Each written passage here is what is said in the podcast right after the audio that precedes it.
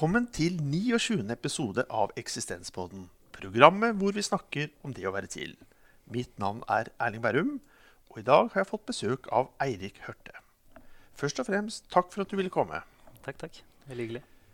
Hvordan vil du kort beskrive deg selv? Skal vi se, kort beskrive. Eh, mann på 30 år, eh, er utdanna psykolog. Eh, nå eh, jobber jeg som skribent og jobber med å skrive og formidle om psykologi.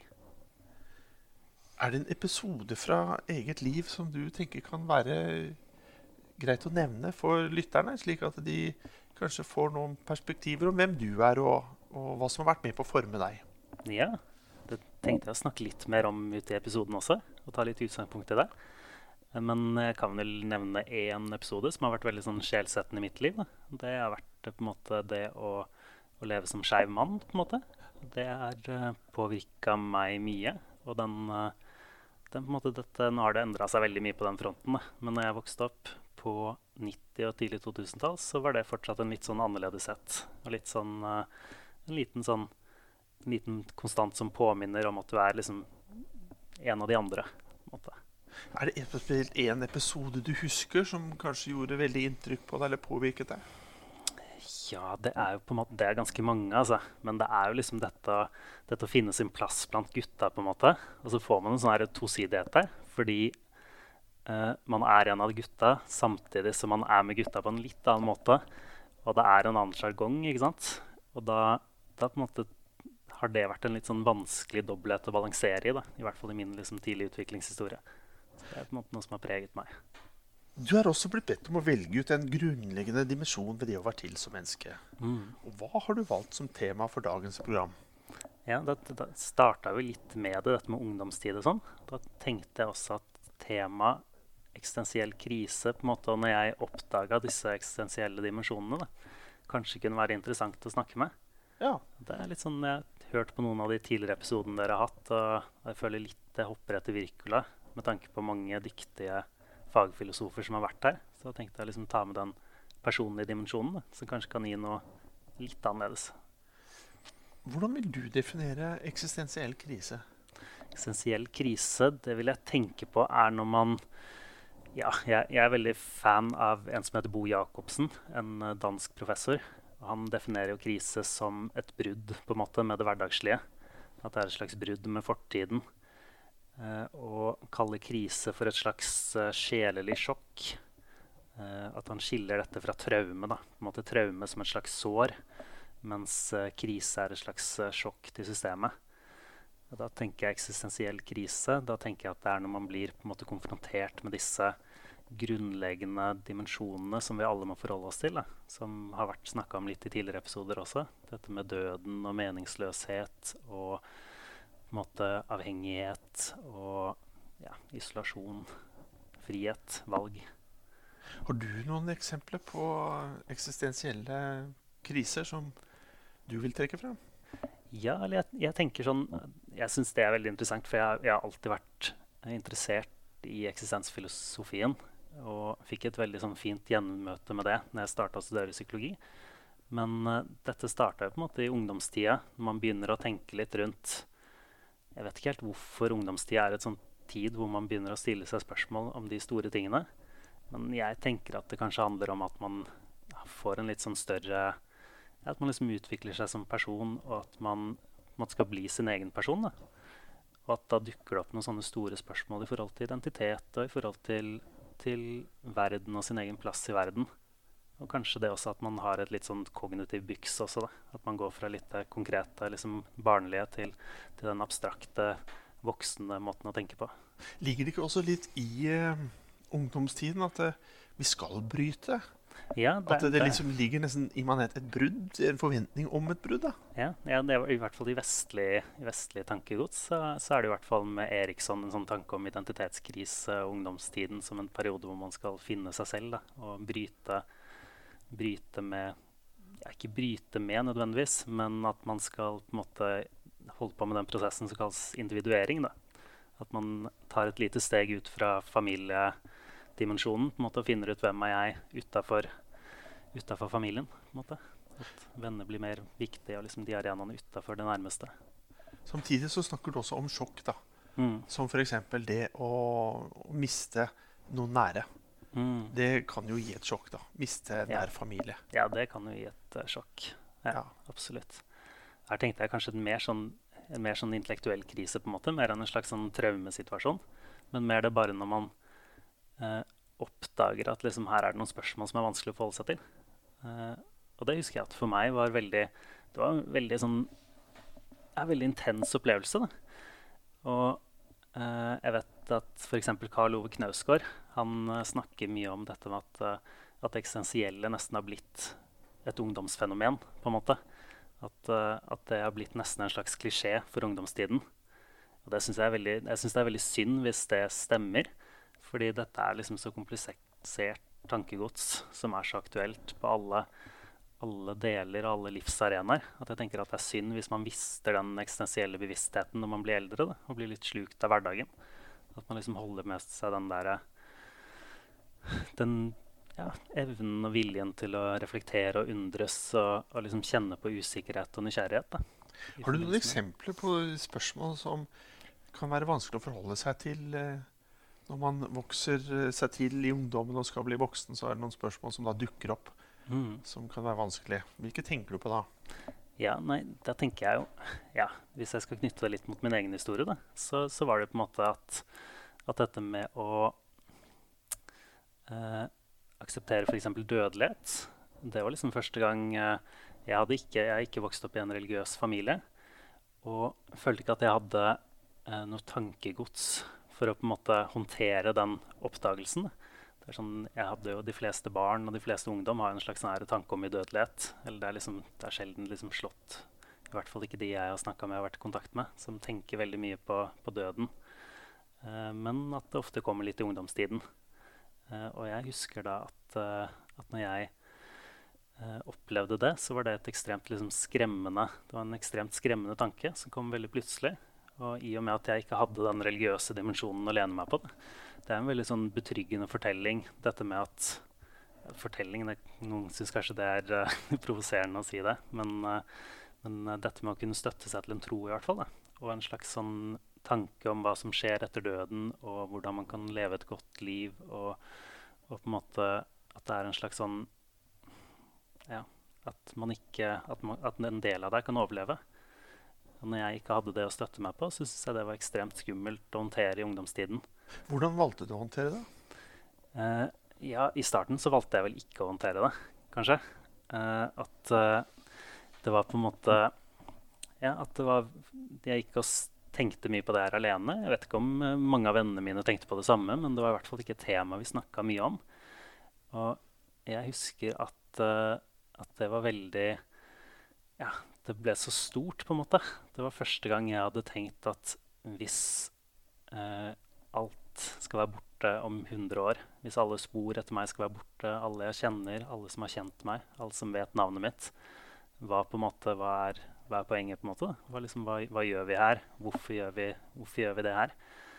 Eh, og da hadde jeg en veldig eh, ja, dyktig filosofilærer på videregående som på en måte dytta meg litt i retningen. Vi, da hadde vi jo Historie og filosofi var nettopp kommet som et fag på videregående skole.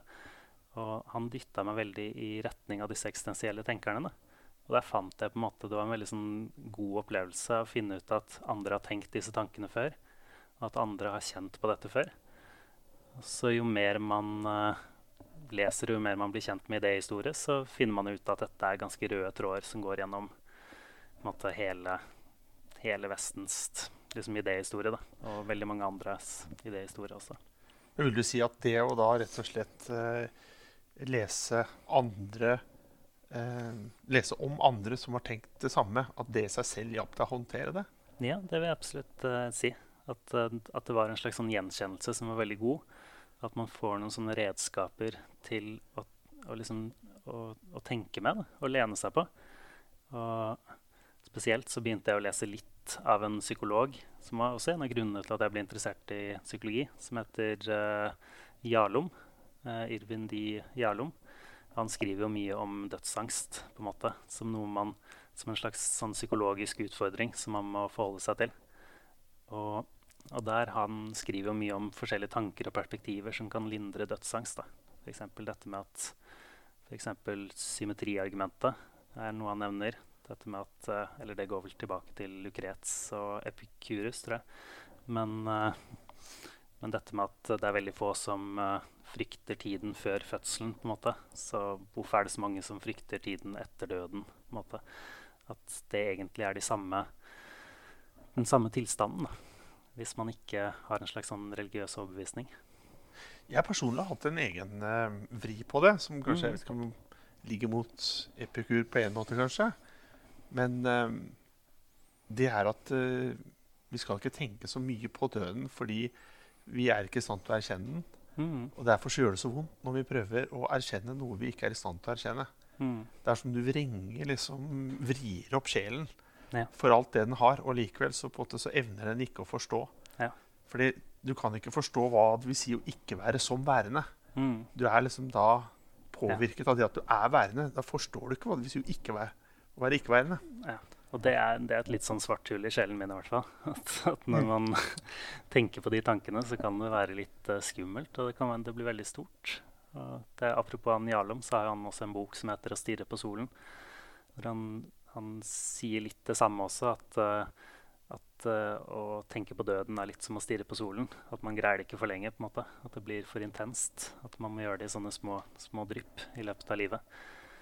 Og ja, at uh, vi har et slags sånn psykologisk forsvarsverk da, for å beskytte oss mot, mot de tankene.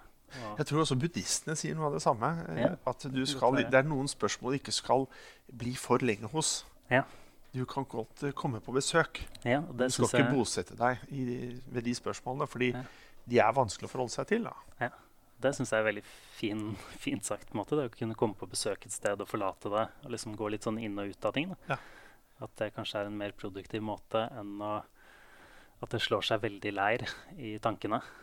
Person. Personlig så opplever jeg liksom tanken på døden som absurd. Mm. Ja, ja. Og jeg tiltrekkes absurd teater og, og mm. den slags, men, men, samtidig jeg kan ikke holde på å tenke i de baner Nei. hele tiden. Nei, og der, Det tror jeg var Hume også, som hadde en sånn som jeg syns er veldig nyttig. da. Den, den, leste jeg også under denne lille eksistensielle krisen min. Eh, eh, som på en måte Han sier vel at eh, at alt blir usikkert når han setter seg ned og filosoferer. Og han eh, på en måte blir eh, blir liksom veldig ja, liksom, Hva er årsak, og hva er sammenheng, og hva er kausalitet, og hva er uh, på en måte ja, hva, hva, er kunnskap i det hele tatt? At tvilen blir veldig sterk. At dette treffer ham veldig hardt. Uh, og så går han opp, og så spiller han et uh, slag kort og prater litt med vennene sine og tar seg en Kodiak. Og da, da er det liksom ikke så viktig lenger, på en måte. Eller da at man kanskje kan Dette med å gå litt inn og ut av det. At, mm. uh, at, han var veldig inne i det der. Og så når han på en måte dykka litt ned i hverdagen, så forsvant de spørsmålene litt. Da. Det er jo sånn Samuel Beckett som da skrev 'Absurdteater'. Han eh, skriver også et sted uten at jeg husker akkurat hvor det var nå.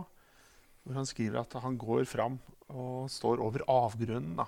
Mm. Eh, som en erkjennelse av livets tidvis opplevde meningsløshet kan sies å være. Mm. Så sier han jeg står der og ser over avgrunnen. Mm. Og etter en stund så tenker jeg jeg kan ikke stå her hele dagen heller. så ja. jeg har litt humor på det. Det, ja. det går også. Ja. Um, det tror jeg er viktig også. Å kunne ha litt humor. Ja, fordi Hvis vi går liksom litt tilbake til uh, temaet sånn eksistensielle kriser og, og sjokk da. Mm. Det med opplevelsen av, um, eller erkjennelsen av at man skal dø, mm. som kan være som et sjokk for mange. Er det andre typer sjokk, uh, eksistensielle kriser, du har noe erfaring med, eller som du tenker kan være et godt eksempel? Mm. Ja, eller sånn Ofte syns jeg at det ene leder litt til det andre. At uh, sånn, jeg først begynte å tenke på døden, så begynte jeg å tenke på mening. ikke sant? Altså sånn, hva, Hvis man skal dø og alle spor er borte, hva er meningen med det man gjør? Og så, så, begynner man å spille litt på det. Og så kanskje kommer man litt inn på tvil og usikkerhet. Og begynner å tenke på hva er egentlig Hva, på en måte er egentlig sannhet, og hva er egentlig på en måte ja, hva, egentlig, hva, kan man egentlig si sikkert? Da? Hva kan man egentlig vite om i dette livet? Og da kan man jo tenke seg bort eh, veldig, veldig lenge. Eh, og måte, sånne, Alle har jo forskjellige kriser i løpet av livet sitt. Det er jo en del av livet også. Og at man Eh, At krise også kan være Det er en sånn eksistensiell tanke. Da, at krise kan være en mulighet også. At det kan være en slags uh, måte å reprioritere verdiene sine og reprioritere hva som er viktig i livet. At når man, blir, når man ser litt utover avgrunnen, da, som Samuel Beckett gjorde, så, så kan man kanskje se ting i et annet perspektiv. Og se at de tingene som er som virker veldig stort i hverdagen, kanskje er litt trivielle i den større sammenhengen. Ja, er, jeg mener også at uh, Heidegger han skal ha brukt døden som en frigjørende erkjennelse. Ja. Hvis livet ble for tungt og vanskelig eller påtrengende, mm. så minnet han seg selv på at han skulle dø. Ja. Og da fikk eh, hverdagen eh, litt mer riktige proporsjoner, kanskje. Mm. Så ikke de liksom overmannet han eller eget liv ja. i for stor grad. Um, jeg må bare gå litt tilbake til uh, meningen og tillate meg liksom spinne litt på, ja, ja, på samtalen her. mm. Fordi du knytter jo indirekte mening til varighet, da, med tanke Ja. på 100 år frem i tid. Ja. Og da det får meg til å tenke på at ofte så er det sånn at eh, motsetninger bekrefter hverandre. Mm. Eh, og da vil jeg tenke at eh, akkurat som eh, et ja er avhengig av et nei, natt Mm. er avhengig av, av dag. Mm. Men sånn sett så vil jo eh, noe av det mest varige må jo kunne sies å være evigheten. da. Ja. Så da er evigheten avhengig av øyeblikket. Så Mm. de er gjensidig avhengig av hverandre. Ja. Så da vil jo egentlig øyeblikket bety like mye som en evighet. Ja. Ja. Så det, det kan man jo finne litt trøst i, da. Ja. At eh, det timelige, det øyeblikket vi er, Mm. eh, det har eh, også en mening på samme måte som en evighet eller lang varighet vil kunne ha en mening. da. Det er veldig spennende, syns jeg, det temaet der. Det, det skriver han godeste Marcus Evrelius om en del også. Han sier at ved døden så mister man bare øyeblikket. Eh, fordi eh, fremtiden har man aldri hatt, og fortiden er forbi. Så, så da den, den er litt sånn stoisk og kanskje litt filosofisk og vanskelig å, å tenke hvis man faktisk er i en reell krise. da. Men det at i hvert fall på et sånt filosofisk plan at man aldri har hatt mer enn øyeblikket. Og da på en måte er øyeblikket kanskje like mye verdt og like mye å tape om man er 30 år eller om man er 70 år. på en måte. Men det så som i forbindelse med, Du nevnte også det med, med sannhet og hva er sant og ikke sant. Mm. Og så Er det sånn at, eh, er det ikke slik at ungdommen, da, som vi har snakket litt om, eller ungdomstiden, Mm. de unge årene i eget liv Mm. at det, de er på et, eh, Der er vi mye mer absolutte Ja. i, i vår søken. da. Mm. Og så blir man kanskje litt mer pragmatisk og fleksibel eh, etter hvert som man blir eldre. Jeg håper det, i hvert fall. Ja, og så kan man jo si Noen kan jo si det, har både sine fordeler og ulemper. Mm. Kanskje man blir vel avslepen. At det er fint med noen skarpe spisser og Mm. absolutte utsagn. Ja. Men samtidig, sånn som for egen del, når det gjelder sannhet f.eks., så har jeg fått et litt mer pragmatisk forhold til det. Mm. Blant annet sannhet er noe vi blir enige om. Ja. Og så, um, så tenker jeg da Da kommer det an på hva vi blir enige om, og hvordan vi argumenterer hva som skal være sant, og hva som ikke skal være sant, og hva som Mhm. skal gjelde og ikke gjelde. Ja, ja. Men den har jo ikke kanskje den samme absolutte klangen da, som, eh, som en sånn eller sin ren, ubesydlet sannhet som på en måte skal være utenfor oss. Mm. Men Ja. Kant, som du sikkert kjenner til, han jaktet jo Mm. også denne ubesydlede sannheten utenfor oss uten å få tak i den. Ja. Das Ting an sich var ikke det det het, for det, tingen i seg selv er noe vi aldri får tak i gjennom vår egen subjektive fortolkning. Mm, ja. Jeg, jeg føler det veldig som et tap, nærmest. Som at sånn her, sånn som Emily Dickens har et, eh, et dikt som heter 'Funeral in My Brain', som kan tolkes litt som at en tap av kunnskap. Da, når man skjønner at veldig mye er fortolkning, og veldig mye er, er på en måte Sannheten er mye enighet, på en måte, eh, og, og mye fortellinger. Og, og jeg syns det er vanskelig å forholde seg til, dette med at det ikke finnes én sannhet. på en måte. Men der også syns jeg at eksistensfilosofene kan gi litt hjelp. Da. Dette med at, at man kan ha At liksom objektiv sannhet er veldig vanskelig når det kommer til mennesket. Men at subjektive sannheter kanskje er desto mer viktige. Da. At man kan snakke om min sannhet i et sånt slags eksistensielt perspektiv. Hvordan vil du definere subjektiv sannhet? Subjektiv sannhet, da vil jeg tenke at eh, at man har jo Jeg vil tenke at det er Nå, nå synser jeg litt, altså. Men Vær så det er god. kanskje lov. Ja, det er lov her i Eksistensbåten. Ja, men jeg vil tenke at det er på en måte kanskje en forskjell på fakta og, og sannhet, subjektiv sannhet i hvert fall. Da. At man har jo mye fakta som forskningen har framsatt. Og det også er en veldig sånn stor del av psykologifaget. på en måte, Hva som er fakta, hva som er forskningsbasert og empirisk dokumentert. Men samtidig så tenker jeg at, at den faktaen må bli integrert på en eller annen måte i personen. Da. At det må bli min sannhet før jeg velger å organisere livet mitt rundt det. Eh, og da, da, tenker jeg at da må, da må, noe som er litt sånn ytre og eksternt, eh, bli noe som er mitt. Da. At jeg må gjøre sannheten til min. Eh, og der tenker jeg at sånn som kunst og litteratur er veldig, veldig gode hjelpemidler da, til å skape sånne subjektive sannheter. Der vil jeg også komme med en kommentar, da, eh, mm. med tanke på eh, Hvis du holder på at, den naturvitenskapelige forskningen utenfor, mm. eh, og så bare tenker litt mer på sånn samfunnsvitenskapelig eller også filologisk eh, mm. forskning eh, Eller la oss holde oss til, til det samfunnsvitenskapelige. Mm. Fordi der er det jo sånn at der forsker man og etablerer noen sannheter som det er, er eh, sannsynligheter. Mm. Fordi ja. de er jo da sannhet de er, de er sanne på et nivå, eh, på, en, på, gruppenivå og med en sannsynlighetsberegning. Mm. Men ofte så er det jo sånn at det er da en sannhet som baserer seg på eh, overordnede faktorer og forhold. Mm, og generiske og gruppedata. Mens de er ikke nødvendigvis sanne på individnivå. Nei. Nei. Og det tenker jeg det er umulig å finne noe som er sant for alle. Eh, I hvert fall i sånn psykologisk henseende. Eller sosiologisk eller eh, ja.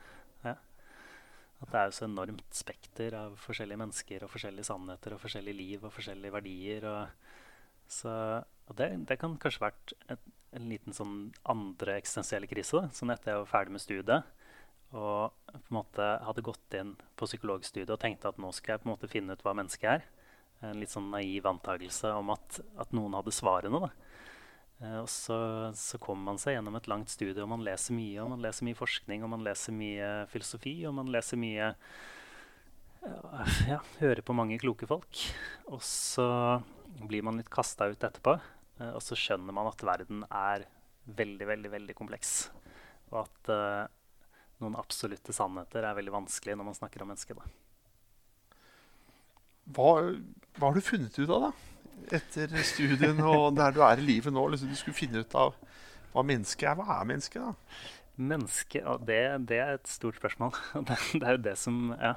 Det, ja det, jeg tenker at på en måte så blir jeg mer og mer usikker eh, jo mer jeg finner ut av. Måte, jo mer jeg leser, og jo mer liksom gode perspektiver som fins. Hvor mange forskjellige liksom, eh, ja, forskjellige typer forskning på mennesket som fins. Hvor mye filosofering som fins om mennesket.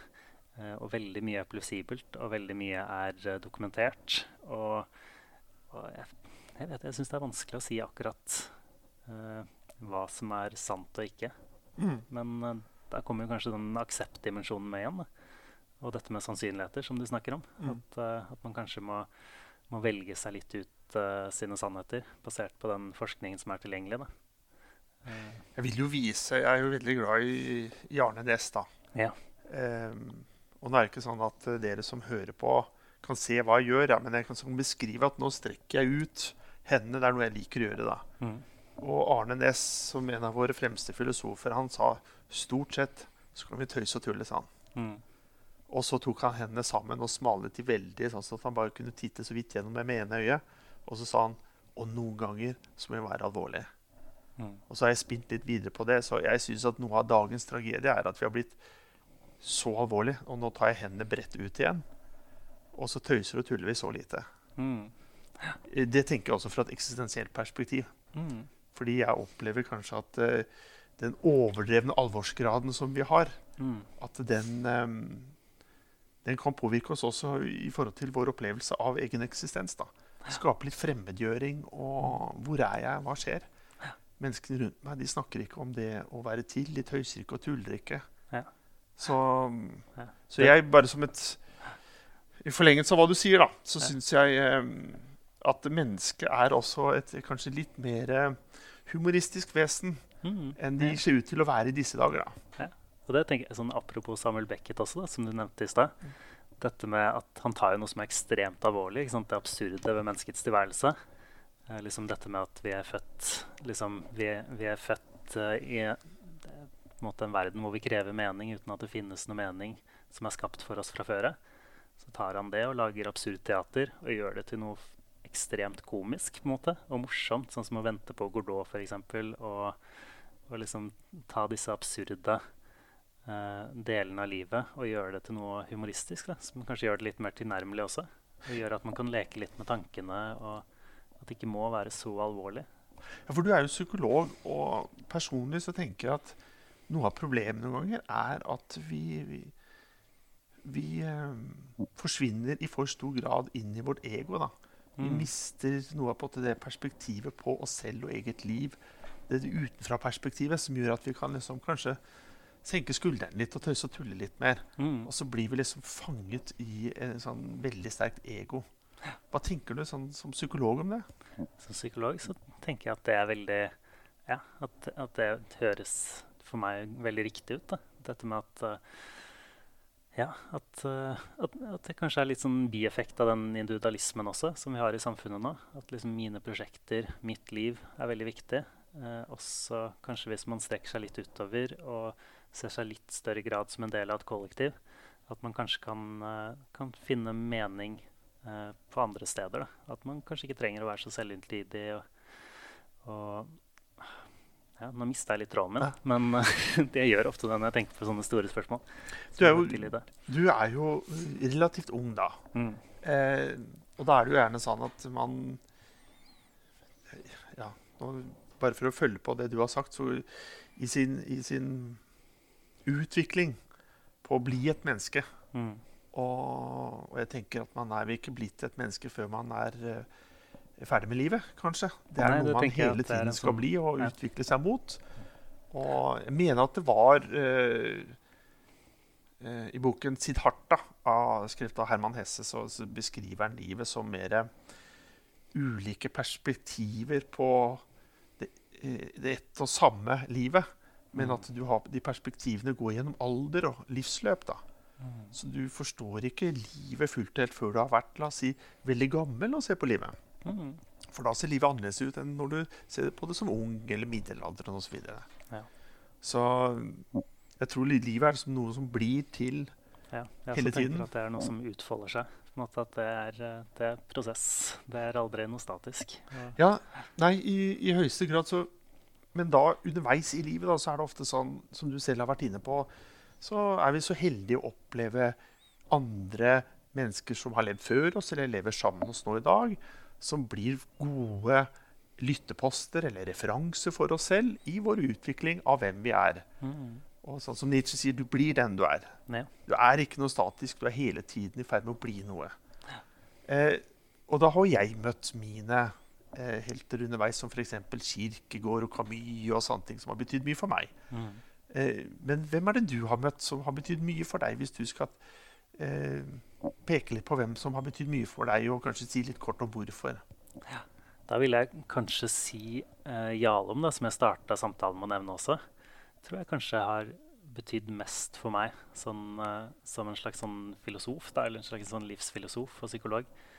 Eh, og det tenker jeg det er fordi nettopp han tar disse store temaene, og så drar han det ned liksom, i den psykologiske sfæren. Da, og gjør det ja, gjør det ikke til noe stort og skummelt, men til noe allmennmenneskelig. Og til noe som vi alle må, må gjennom og, og på en måte forholde oss til på en eller annen måte. Er det noen bøker av han du vil spesielt anbefale de som hører på? Ja, Hvis man har litt sånn grunnleggende psykologisk kompetanse, eh, så vil jeg Eller det har jo alle, men litt sånn fagpsykologisk kompetanse, så vil jeg trekke fram Existential Psychotherapy, som er eh, på en måte den store fagboken hans. Som er liksom hans, uh, hans ja, ja, det er liksom den største Det er liksom, ja, det er liksom Bibelen innenfor eksistensiell psykoterapi.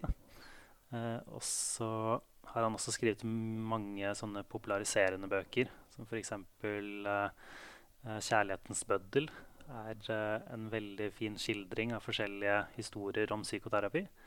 Eh, men så har han også uh, f.eks. bøker som 'Å stirre på solen', som handler mer om dødsbevissthet og dødsangst og de eksistensielle eh, tematikkene som han er opptatt av. Han Er har også romaner, som Ja. f.eks. 'Schopenhauer-kuren' og 'Spinoza' Nå husker jeg ikke akkurat hva han het, men hvor han på en måte har gjort om sine teorier til litteratur. da. Og da Nietzsche gråt, er ikke det også? Ja, da Nietzsche gråt er også en av hans mest kjente. Ja. Er det andre forfattere, mennesker, som på en måte har skrevet eller sagt eller gjort noe som har gitt, gjort ditt liv litt lettere, da, og utviklet deg enda mer? Ja, jeg liker, jo, jeg liker jo litt de gamle gamle forfatterne. da. De klassiske forfatterne, sånn som Homer og, og på en måte eh, Vergil og eh, Marcus Aurelius og disse. Det tror Jeg jeg syns det er noe betryggende med det som er veldig gammelt. og kjenner igjen sitt eget liv i veldig gamle tekster. Så, så føler jeg at jeg blir liksom minnet på at uh, menneskets situasjon er allmenn. At liksom det at jeg kan sitte og kjenne meg igjen i Marcus Aurelius sine meditasjoner, uh, og, og, liksom tenke at, at, det gjelder mitt liv også, det syns jeg er sånn utrolig betryggende. fordi da, da merker jeg at ja, at, uh, at jeg ikke er alene da, om å uh, baske med livet. At, uh, og det er innenfor sånn som selvmedfølelse, f.eks., som er et sånn, en sånn nytt felt innenfor psykologien. Så Hva man du det? selvmedfølelse. Ja.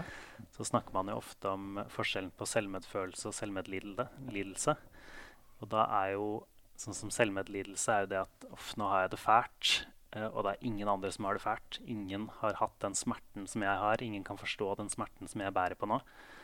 Uh, og så har man da selvmedfølelse, som er en liten sånn perspektivvridning. Som er sånn at nå har jeg det ganske vondt, men det er en del av å være menneske, og det er det mange som har gjort før meg. Og vi er på en måte, lidelse er noe av det som binder oss sammen. på en måte, Og, og liksom er livet som skaper på en måte samfunn og lokalsamfunn da, som støtter hverandre. Og det tenker jeg Den følelsen får jeg litt når jeg leser de gamle forfatterne. Og, og kan se at jeg strever litt med det samme som de strever med. At, uh, liksom det, at det, virkelig er allmenngyldig, mange av disse eksistensielle spørsmålene. I vår tid, da? Er det noen samtidige du har latt deg inspirere av? Ja, ja, det er ganske, ja, det er ganske mange. Jeg er veldig glad i Knausgård, f.eks. Eh, måten han skildrer hverdagslivet på. Og dette med hvordan han binder sammen de store eksistensielle spørsmålene med hverdagslivet, og på en måte hvordan vi Ja, ja jeg syns det er en mye, sånn, mye mer realistisk på en måte fremstilling av det eksistensielle. da. Fordi vi bor jo i hverdagen vår. på en måte, Og disse store hendelsene som, som døden og meningen og krisene, eh, det er på en måte en veldig viktig del av livet. Men, men det er jo tross alt hverdager det er flest av. Og, og da liksom den måten Knausgård knytter det eksistensielle med det hverdagslivet på, eh, gir veldig sånn det, det, klinger veldig hos meg. da. At uh, det er veldig mye av de eksistensielle temaene som ikke bare handler om de store endringene, men også de små, de små tingene i hverdagen. Det, men er det å knytte da liksom de store eksistensielle temaene til hverdagen en måte å dempe en eksistensiell krise på? Ja, jeg vil tenke på det som en måte å integrere det i livet på. i hvert fall. At Istedenfor at det blir noe som er veldig ytre og fjernt, på en måte, så er det, noe, det er et sånt lag ved hverdagstilværelsen som man bærer med seg. da hele tiden. At man har med seg denne eksistensielle bevisstheten uten å nødvendigvis bli overveldet av det. Uh, og jeg, jeg syns det er et fint ideal, i hvert fall. Da. Jeg tror det er et fint ideal. Men det med, det med å ha med den eksistensielle bevisstheten uten å bli overveldet av det mm. uh, Hva er grepet der? Nå snakket vi da litt om det med å bruke kanskje humor, distansering. Mm. Uh, eller du nevnte også det med å ta et avbrekk. Ja. Viste til Hume som gjorde det og ikke spilte kort med noen venner og sånn. Mm. Eh, er det andre måter det som har med seg en eksistensiell bevissthet på i hverdagen du vil trekke, på, trekke fram? Ja, jeg, jeg, tenker jo at samtalen, da, eller dialogen, er et sånt utrolig flint medium for å snakke om de store og vanskelige tingene i livet. Det hadde vært litt rart hvis jeg ikke syns, i og med at jeg er utdanna psykolog. Men det, da kan man på en måte nærme seg det som er litt sånn skummelt og vanskelig. Sånn som, sånn som vi sitter og snakker nå, f.eks. Å kunne snakke om døden og meningen som kanskje kan være litt sånn skummelt alene. Men når man er sammen med noen, så kan man liksom regulere hverandre litt. Da. Og liksom kunne, kunne, snakke om det som er vanskelig og stort, uh, uten å på en måte ja, bli overvelda. At man har noen som man kan, man kan, gå litt inn og ut av det i samtalen også. Vil en sånn litt sånn enkel fortolkning av det du sier nå, uh, kunne være at uh, som et råd, da. Ikke sitt inne med de eksistensielle eh, tankene eh, alene. Mm. Men eh, finn en og samtale med de om. Ja, det vil jeg absolutt si er et godt råd. Å ha en sparringspartner, rett og slett. Eller mange. Eh, og kunne, kunne snakke åpent og ærlig eh, med disse, med disse om disse store tankene. Ja, for der tenker jeg på de som er ensomme, da, bor alene. Mm. Hvor vanskelig det er. fordi hvis du har noen å være sammen med, så har du på en eh, et sted å søke tilflukt. da. Mm. Hvor vi søker tilflukt i hverandre. Mm. Eller hvor vi kan få fri fra oss selv i hverandre. Ja, ikke sant. Ja. Ja. Og der altså, Man vet jo at ensomheten kan være Man kan jo bli veldig påminnet om de eksistensielle realitetene når man er alene. Den eksistensielle ensomheten, f.eks. At uh, man kan kjenne litt på den. Uh, og, og, da kan det være godt å liksom kunne, ja, kunne møte, møte, noen andre. Da, og kunne liksom koble seg på verden igjen. Ja. Uh, og det også er noe som han Jalom snakker mye om, da, som jeg er så fascinert av. Dette med at han knytter det relasjonelle til det eksistensielle. Det med at ja, vi på en måte Ja. Vi er liksom grunnleggende alene samtidig som vi er grunnleggende sammen. på en måte. Mm. Og da kunne håndtere den grunnleggende aleneheten sammen. Det ble veldig svevende, merker jeg. Men, Jeg syns det var veldig godt sagt. Ja. ja. Så det tenker jeg er viktig. da. Og det er derfor jeg tenker det er viktig å snakke om de store eksistensielle spørsmålene også. Fordi det var jo litt det jeg opplevde når jeg var på en måte 16-17 år og satt med disse tankene om døden og hadde ikke noe sånn tankegods å lene meg på. Uh, og da tenker jeg det hadde vært godt å ha noen å snakke med om disse tingene.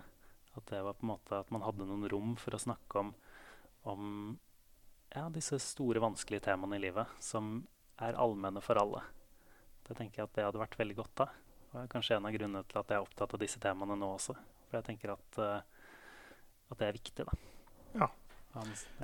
Nå nærmer vi oss uh, slutten på denne samtalen. Og da pleier jeg alltid å spørre om du har noen tips eller råd til lytterne. da. Hvis vi skal være litt skøyeraktige, da. Si at uh, nå er det en par av lytterne våre som sitter i et lite eksistensielt sjokk, da, for å holde oss til dagens tema. Ja. Og som kanskje har en liten sånn eksistensiell krisesituasjon. Mm. Hva vil du si til de som psykolog? Har du noen tips og råd der utover kanskje det vi allerede har sagt? Ja, da, da vil jeg, jeg vil holde på det vi allerede har sagt, egentlig, og si at uh, møt mennesker. Og, og liksom inviter til samtale, inviter til dialog.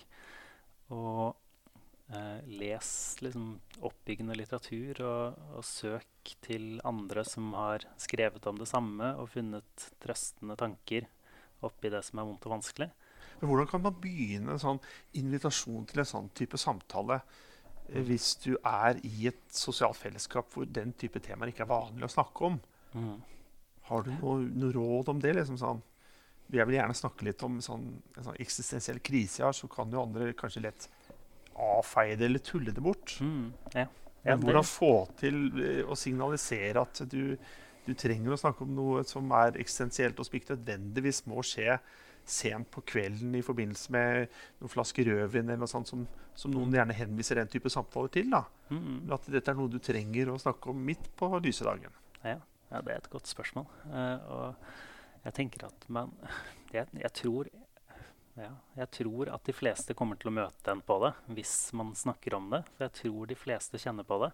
I og med at det er liksom som, som døden og mening, og det er liksom allmenngyldig, så tror jeg egentlig at man blir møtt på det oftere enn man kanskje tror. At man kanskje har en sånn tanke om at man sitter alene med å tvile på mye av kunnskapen sin, eller tvile på, på meningen med livet, eller uh, syns det er litt skummelt at, uh, at liksom man skal dø og forlate denne verden. Men så tror jeg egentlig at det er noe mange har tenkt på. Så jeg tror egentlig hvis man, hvis man tør å åpne litt opp der, da, og tør å, å, å starte en samtale med at uh, ja, f.eks. Jeg, jeg syns det er litt vanskelig å forstå liksom, synes, Nå er det kommet til et punkt på jobben min hvor jeg syns det er litt vanskelig å, å, skjønne hvorfor jeg gjør det her. Hvorfor jeg driver med dette. Det, liksom, det, ikke, det, gir meg, det, gir meg, ikke den samme meningen som det gjorde før. Uh, så, så, tror jeg kanskje at uh, andre kommer til å møte deg på det. Du, jeg er helt enig. Jeg støtter deg fullt og helt i det. Og jeg håper flere eh, tar til seg det. Mm. Eh, det er noen ganger handler om å bare banke på døren hos hverandre. Mm, ja. Og så tror jeg vi har et mye større mottakerapparat enn det vi tillegges. Mm. Og jeg tenker her eh, bl.a. på Anne Grete Preus eh, strofe 'Alene om en tanke er de færreste forunt'. Ja. Det er også en erkjennelse. Ja. Og vi er ikke så alene om de tankene vi har. Det, det må vi forstå. Mm. De er ganske allmenne. Ja. Eh, samtidig så vil jeg også vise til noe jeg selv sier til mine barn da, mye. Mm. Sannheten setter deg fri. Det er utrolig godt hvis du våger å være sann om hvem du er og hva du gjør, eh, og du blir møtt på det. Mm. For det er egentlig noe vi alle ønsker. Ja. Da er vi kommet også til siste punkt, som handler om du har noen fyndord eller livsmotto du er spesielt glad i, og som du vil da formidle til eh, lytterne. Ja, jeg, jeg tror det er ett uh, Ja. Uh, jeg er veldig, veldig glad i Peter Pan, f.eks. Nå har vi snakka om litt dette med døden. Og han er jo veldig opptatt av eventyr og, og veldig opptatt av å liksom erobre. Eh, og, men han blir jo aldri voksen. Så eh, jeg husker ikke om det er i den originale boken eller om det er i skuespillet. Men i et eller annet tidspunkt i hvert fall så, så er han liksom trist over at han ikke får At han er udødelig da, og evig ung. Og så tenker han for seg selv at eh, det hadde vært et utrolig stort eventyr å dø. Fordi da finner man jo litt ut hva som skjer etterpå. Eh, og apropos dette med den litt lekenheten, så syns jeg det er en litt sånn, ja, litt sånn fin måte å se på, på, på eksistensen vår på. det. At det er, sånn, det er jo litt eventyr også. Det er jo litt interessant. Og det er, det er skummelt, men det er også fantastisk. Da. Så den, den syns jeg fanger, eh, fanger akkurat det aspektet fint. da. Dette med at eh, det hadde vært et fantastisk stort eventyr å dø. Da takker jeg deg for samtalen. Takk også til deg som lytter for å ha fulgt oss eh, denne halvtimen, og vel så det. Vi høres igjen, og inntil da, ha det bedre enn bra.